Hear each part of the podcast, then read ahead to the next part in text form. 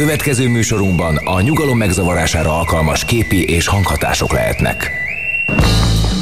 Nevezd meg a három kedvenc filmedet, és megmondjuk ki vagy. Charlie Angyalai, Titanic, 51. randi. Te egy igazi plázacica vagy. Öm, kérlek, Berlin fölött az ég, aranypolgár, és természetesen a patyomkin páncélos. Te egy menthetetlen snob vagy. Hát kutyaszorítóban keserű méz, Leon a profi. Te egy tipikus budai értelmiségi gyerek vagy. Egy dolog viszont közös bennetek. Mindegyik ötökre ráfér, hogy hallgassátok a hétmesterlövészét. Köszöntjük a kedves rádióhallgatókat. Sziasztok! Ez a vasárnapi hét mesterlövésze a mai adásnak a tematikáját kivételesen kifejezetten Vida Viktor kollégám kérésére ismertetni fogjuk, csak hogy tudjátok, hogy mi vár rátok, és hogy ne vegyetek zsákba macskát. Egy mézes madzagot akarok belengetni, ezért kértem meg Robit, hogy kivételesen áruljunk el.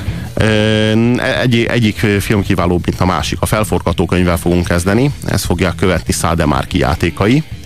Aztán jön a Halál és a lányka, mely Roman Polanski mesterműve, és nagyon aktuális. Roppantul aktuális, és nem mentes bizonyos politikai felhangoktól. Majd pedig uh, Amelie Poulain csodálatos életével zárjuk az adást, amely gondolom minnyájatok kedvenc, talán a legnépszerűbb dobás a 90-es évekből. Van egy közös barátunk. De nem is a 90-es évekből, hiszen egy 2002-es filmről van szó. Van egy közös barátunk neki a kedvenc filmje, és egyébként a lakótársamnak is a kedvenc filmje. Jaj, de, jaj, de még mennyi embernek a kedvenc filmje. És mennyire közel járunk mi is ahhoz, hogy azt mondjuk, hogy ez a kedvenc filmünk, nem? De, de. De hát erről majd a műsor vége felé. Szóval a Felforgató könyv című filmmel fogunk kezdeni, amely elsősorban címéhez méltó módon a forgatókönyvének köszönhetően lett annyira népszerű és ismert, amennyire.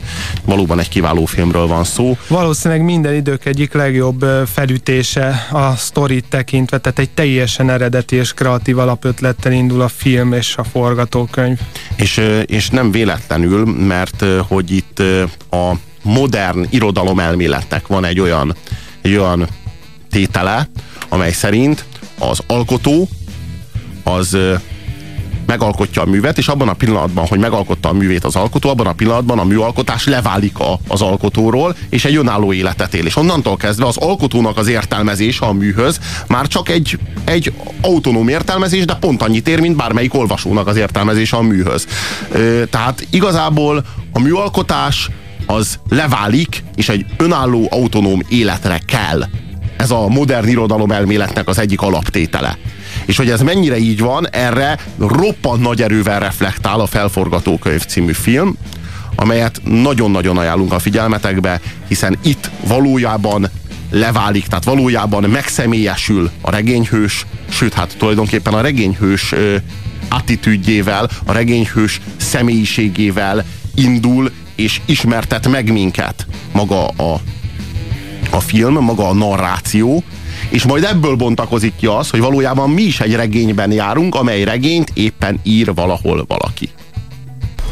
Ez a történet egy bizonyos Harold Crickről szól, és a karórájáról. Harold Crick a végtelen számok embere volt. Nagyon sokat számolt, és feltűnően keveset beszélt. És a karórája még kevesebbet szólt. Minden munkanap már 12 éve Herold megmossa mind a 32 fogát, méghozzá 76-szor. 38-szor előre és hátra, 38-szor fel és le. Minden munkanap, 12 éve Harold csak egyszer kötötte meg felülről a nyakkendőjét. Nem dupla csomóra, és ezzel több mint 38 másodpercet takarított meg. A karórája szerint az egyszeres csomó kövérítette a nyakát, de semmit sem szólt. 12 éve minden munkanap Herold pontosan 75 lépéssel szelt át egy háztömböt. Így hat sarkot haladva éppen elérte a 8 óra 17-es buszt. A karórája élvezte, ahogy a friss csípős szél a számlapját legyezgeti.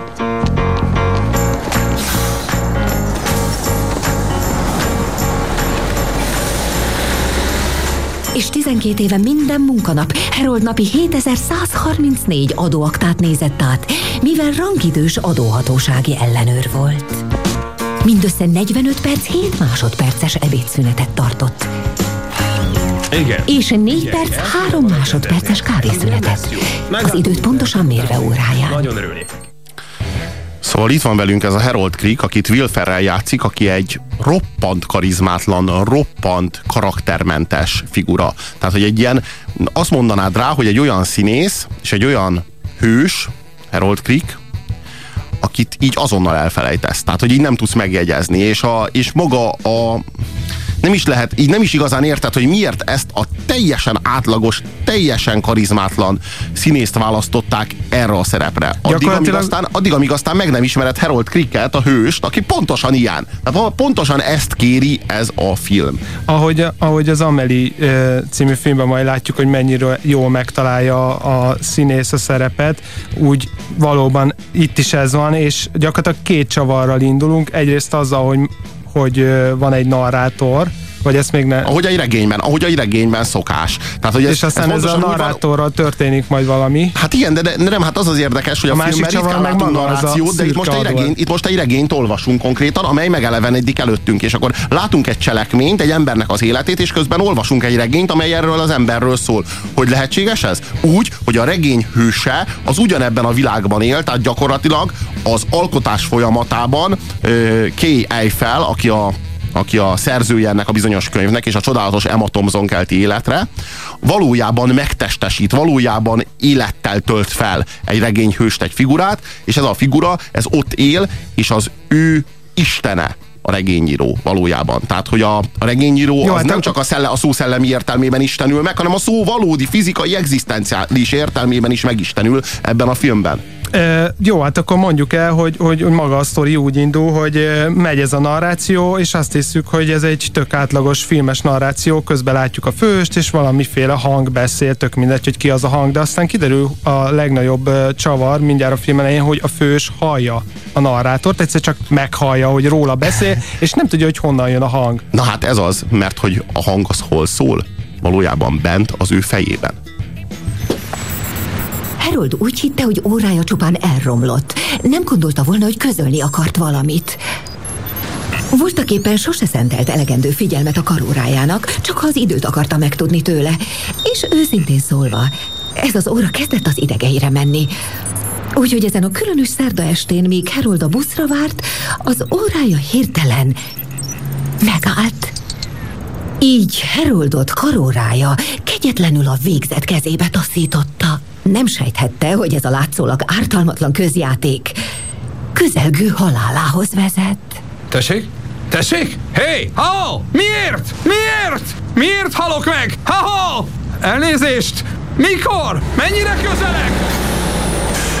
Na jó, hol bujkálsz? Harold megmosta a 32 fogát 72-szer! Miért nem mondasz semmit? Hallottam! Közelgő halálához vezet! Hallottam! Rajta, te idétlen hang! Harold, örjöngve, megfogta a lámpát! Aztán felbőszülve megrázta minden értelmesok nélkül! Aztán a földhez vágta! Ismételten belerúgott! És fogott egy zsebkendőt! Áthajította a szobát és feldulta a gardróbot! Mi lesz? Rohadék, rohadék! Mondj valamit! Mondj valamit! Mondj valamit! Azért nem mond semmit a narrátor ilyenkor, mert hogy ez nincsen benne a cselekményben. Tehát konkrétan Heroldnak van egy tudatalattia, meg Heroldnak van egy tudata.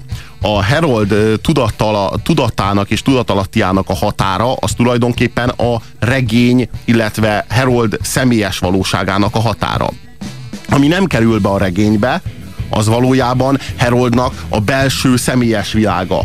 Amely, ami bekerül a regénybe, az az, ami Heroldnak a sorsa. Tehát tulajdonképpen Herold azért küzd az egész történet során, hogy bele tudjon szólni ebbe a bizonyos cselekménybe, hogy képes legyen a sorsát a saját kezébe venni. És ehhez kap is egy segítséget uh, Dustin Hoffman által alakított irodalomtudós személyében. Jules Hilbert professzor. Aki ezt megpróbálja kitalálni, hogy ki lehet ez a narrátor, és csinál is egy kilences listát, hogy kire tippel. De egyik se, egyik, egyik, egyik se jön be neki, és egyre jobban izgatja Haroldnak ez a sztoria, és aztán Harold véletlenül meglátja a tévébe az ír írónőt, és innentől kezdve azon dolgoznak az irodalomtudóssal, hogy Herold történetét tragédiából, a halálból egy vígjátékká varázsolják, és így megmentsék Heroldot. Ezért is nehéz megmondani, hogy a felforgatókönyv, vagyis a Stranger Than Fiction eredeti címen futó film, az valójában egy vígjáték, vagy egy dráma.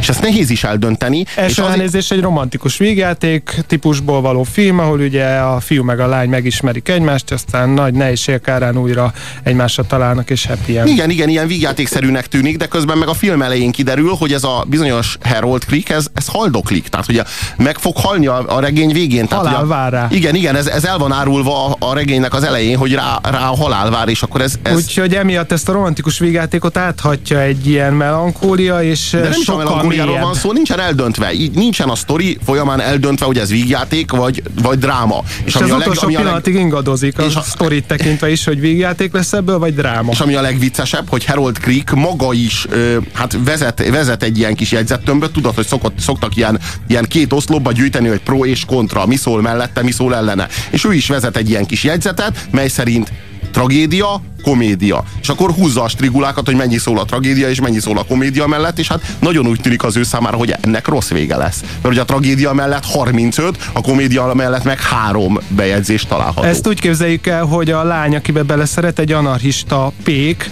aki nem fizet rendesen adót. Hát és mivel- az adóellenőröket nem nagyon kedveli. És hát kap egy adóellenőrt, aki konkrétan Harold így ismerik meg egymást, és ez a pék ez ki is fejti neki, ez a lány, hogy ő azért nem fizeti be az adójának a kb.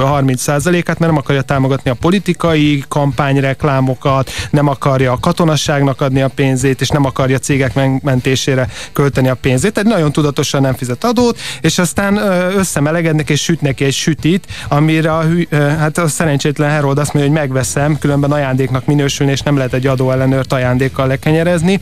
És, És akkor itt elrontja, elrontja, elrontja a és a lány érzékeltet vele, hogy de hát én ezt ma- ma- magának süt, és akkor Harold rájön, hogy külön nekem sütötte, kedveskedni próbált, elrontottam, és akkor Harold behúz egy strigulát a füzetébe, hogy ez tragédia mégis. Na igen, és így ez- zajlanak Harold napjai, és mi se tudjuk, hogy mi lesz Harold. De hogy mennyire nem illenek össze, tehát Pascal kisasszony és Harold Crick mennyire nem illenek össze, az valami elképesztő. De tényleg nagyon nem való, nagyon nem valósiak ők egymáshoz, az az igazság. Hát egyrészt ránézésre se, se Harold egy ilyen szürke öltönyös adóellenőr, aki azért szerencsére tudja magáról, azt mondja, adóellenőr vagyok, mindenki gyűlöl. Tehát ezt úgy képzeljétek el, mintha egy BKV ellenőr lenne a, a főhős, és hát a lány meg nagyon utálja az adóellenőröket, konkrétan élősdinek tartja őket, és amikor a buszon próbál Harold uh, udvarolni a lánynak, akkor olyanokat tud magából kipréselni, hogy jó, egyenes a fogsora.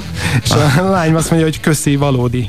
Az a nagyon vicces ebben a filmben, hogy van egy, van egy vígjátéki síkja, van egy tragéd, tragikus síkja, és mindeközben az egész olyan mélységesen posztmodern. Tehát, hogy, hogy az, a, az, a, az az igazán izzig-vérig ezredvégi felvetése van a, a, a filmnek, amit igazából azt lehet mondani, hogy még tíz évvel ezelőtt is elképzelhetetlen lett volna, hogy egy ilyen film készüljön. Tehát, hogy ez annyira, annyira, annyira mai, és annyira, annyira ö, eredeti a forgatókönyve, amihez képest most azt kell, hogy mondjam, hogy a, a Matrix az semmi. Hogyha, Tehát- hogyha emlékeztek az Adaptáció című filmre, amiről a múltkoriban beszéltünk Robival, az körülbelül ugyanez, tehát hogy, hogy ez a film is azt mutatja, hogy egy romantikus végjátékba is ma már belekerült egy ennyire elvont csavarral felépített alapfelütés. A kérdés hát az csak az, hogy ez az alapfelütés kitart a film végéig, és sokan azt mondják, hogy, hogy az elején szinte magától viszi a filmet, annyira jó az az eredeti a, a felütés, hogy a narrátort meghallja a fős, ráadásul a narrátor egy iszonyatosan ö, undorító adóellenőr, de vajon kitarta a végéig ez, Ne, a, ez az a, a, a narrátor az egy iszonyatosan undorító író, aki szintén teljesen érzéketlen. Az, az adóellenőr De, is de, de, de ránézésre az írónő az mégiscsak egy szerethető, e, e, zűrös írónő, aki, aki azért öli meg a karaktereit, hogy ne ő maga legyen öngyilkos, de, de pont, pont azért volt nekem néha nehéz nézni a filmet, mert annyira jó arcot találtak Will Ferrell személyébe erre az adóellenőre, hogy, hogy iszonyatosan nehéz minimálisan is azonosulni az ő problémájával. Ő próbál egy általános emberi problémával, a halállal vívódó szemét megjeleníteni, de te meg az arcát, és folyamatosan egydegenedsz tőle, annyira, annyira, annyira de nem, ne, ez Annyira nem, semmilyen. Nem tudom, annyira, semmilyen, igen, nem semmilyen undorító. Igazán ez rossz semmilyen. szó. Viszont a csodálatos Emma Thompson, a mindig fantasztikus Emma Thompson, az Kay Eiffel szerepében, az bámulatos, és én mindig imádom őt nézni, és minden szerepében imádom. Elképesztően jó játszik, és Dustin Hoffman is, és itt ez megint egy újabb probléma a film kapcsán, hogy gyakorlatilag akármilyen ö, jól küzd is Will Ferrell ö, azért, hogy eljátsza Harold Cricket, egyszerűen Emma Thompson és Dustin Hoffman mellett szinte, szinte lehetetlen egy főst alakítani. Hát nincs sok esélye.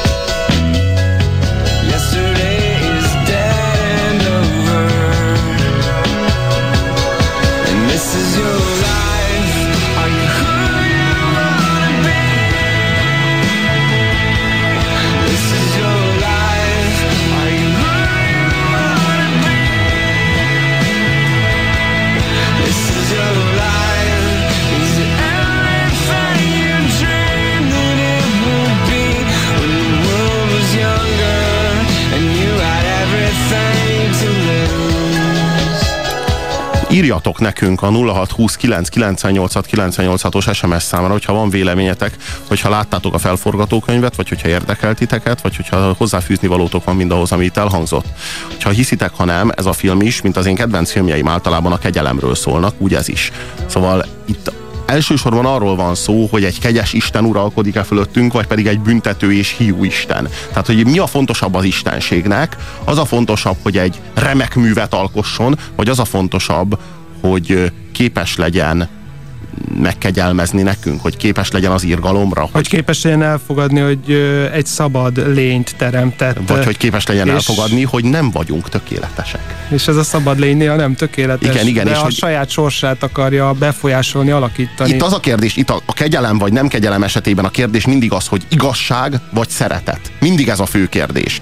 És az Emma Thompson ezzel szembesül ebben a bizonyos filmben, amikor Harold Creek igen, fölhívja telefonon őt, igen, megkeresi őt személyesen, és a, a megtör, megtörténik a csoda, tehát megtörténik az, ami, a- az, ami az egzisztenciális valóságnak a csúcsa, az elképzelhetőségnek a határán túl, amikor az Isten és ember találkoznak egymással, az írónő találkozik a hősével, a hős felkeresi az írónőt, tehát ez is valami olyan bravúros módon van megalkotva, valami olyan zseniális, valami olyan páratlan, elképzelhetetlen, brilliáns logikával van megalkotva, valahogy úgy van összeállítva, mint, hogyha, mint amikor a puzzle darabok így pontosan oda illeszkednek, ahova kell, ahogyan ők találkoznak, mert hogy az írónő megírja, ahogyan őt fölhívja a telefonon a hőse Harold Creek.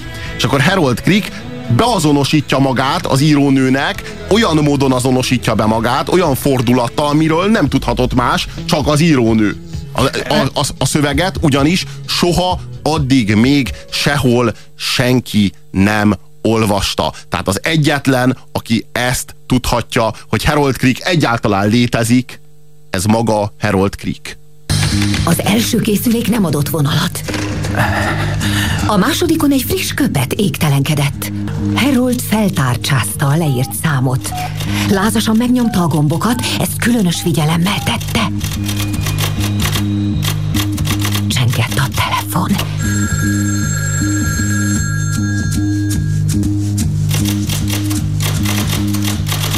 Újra csengett a telefon.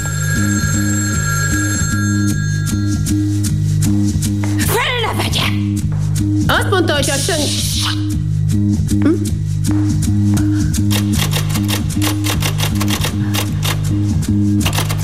A telefon harmadszor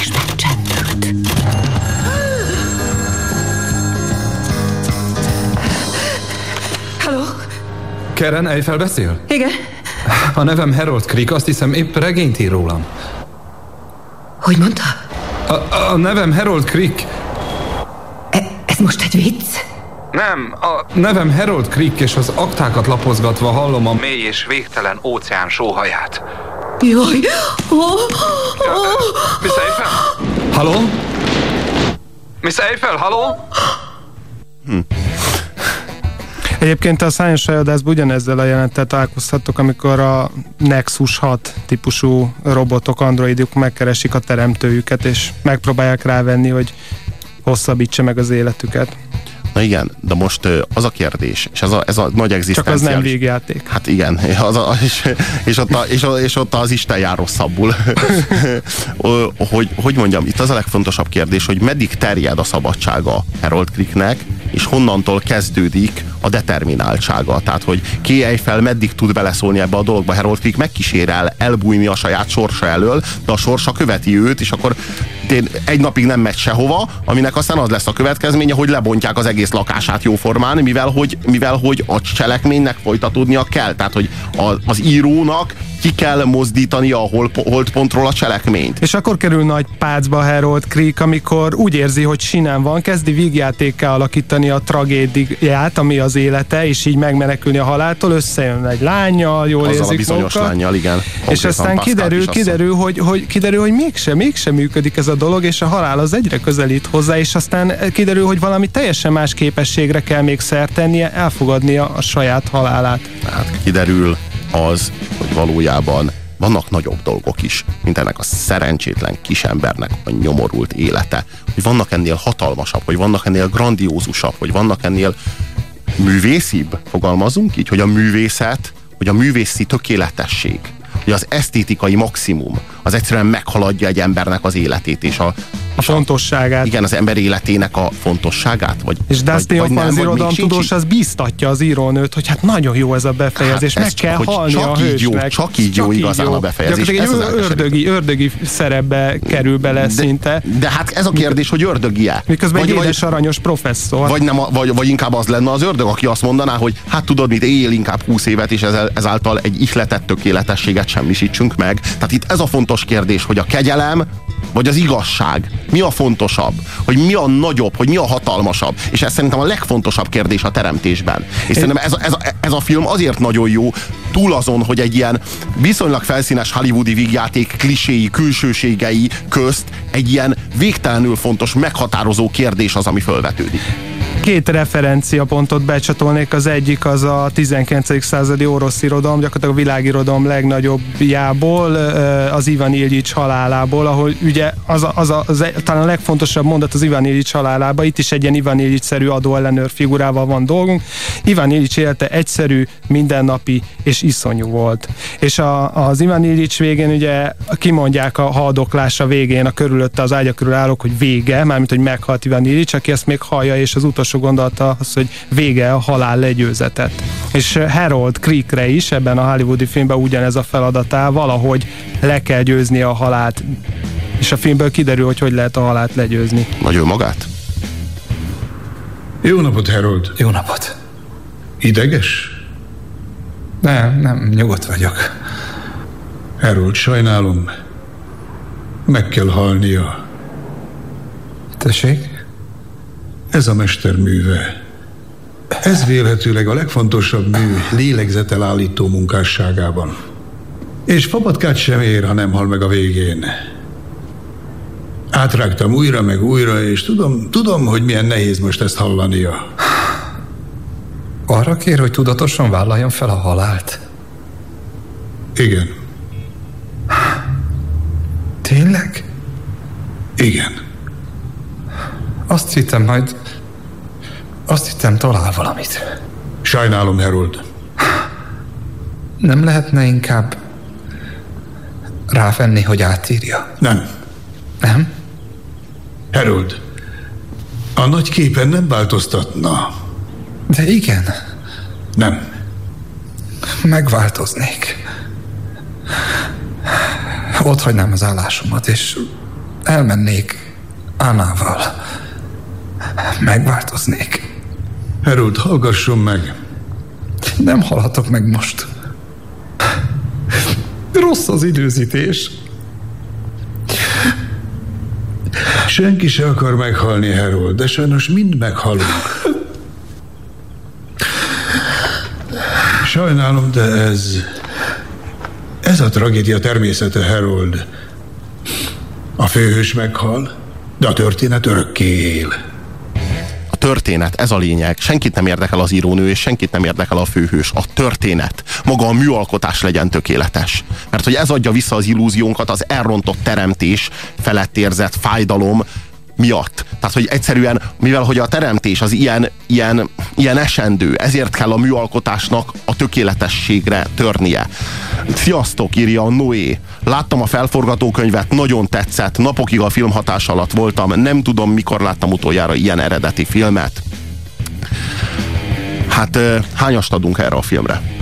Még mielőtt lepontozom, elmondom a másik kulturális referenciapontot, ez a Röjkszopnak a Remind Me című klipje. Hogyha láttátok a klipet, gyakorlatilag egy ugyanilyen hivatali életet élő szeméről szól, aki egy helyes fiatal lány, akivel még könnyebb azonosulni, mint itt Haroldal, és ugyanúgy számok, grafikonok pörögnek, ahogy megy a munkába, mint ahogy itt a filmben is egy ilyen kis kreatív újítás, hogy különböző grafikonok pörögnek a számok a Harold mellett. Sőt, eláruljuk, hogy a hírek után le is fogjuk játszani nektek ezt a számot, úgyhogy ha gondoljátok, akkor a YouTube-on megtalálhatjátok a videóklipet, és akkor megtekinthetitek, talán kaptok kedvet is a filmhez, amely az én tízes skálámon egy nyolcas. Nálam hatos, sajnos csak.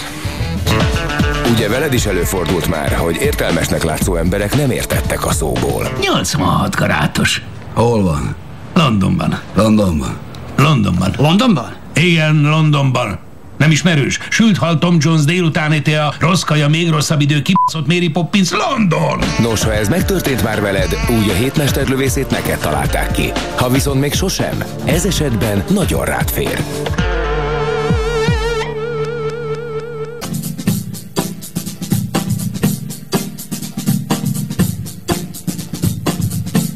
Most hallható műsorunkban a nyugalom megzavarására alkalmas képi és hanghatások lehetnek. It's only been a week. The rush of being home and rapid fading. Failing to recall what I was missing all that time in England. It sent me aimlessly on foot or by the help of transportation to knock on windows where friend no longer live I had forgotten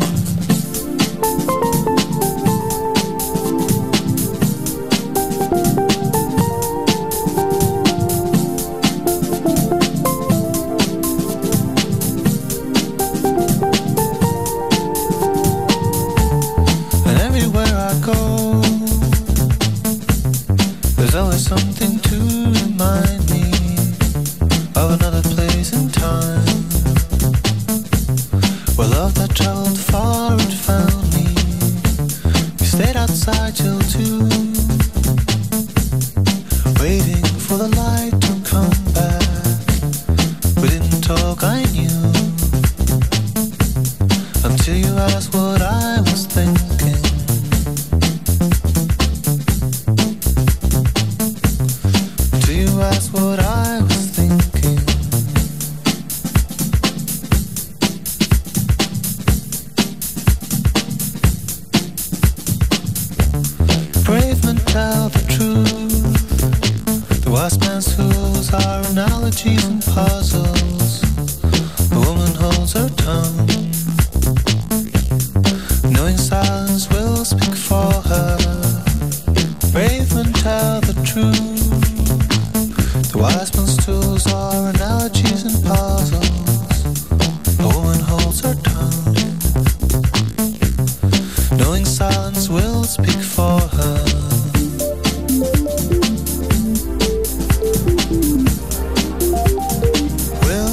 for her.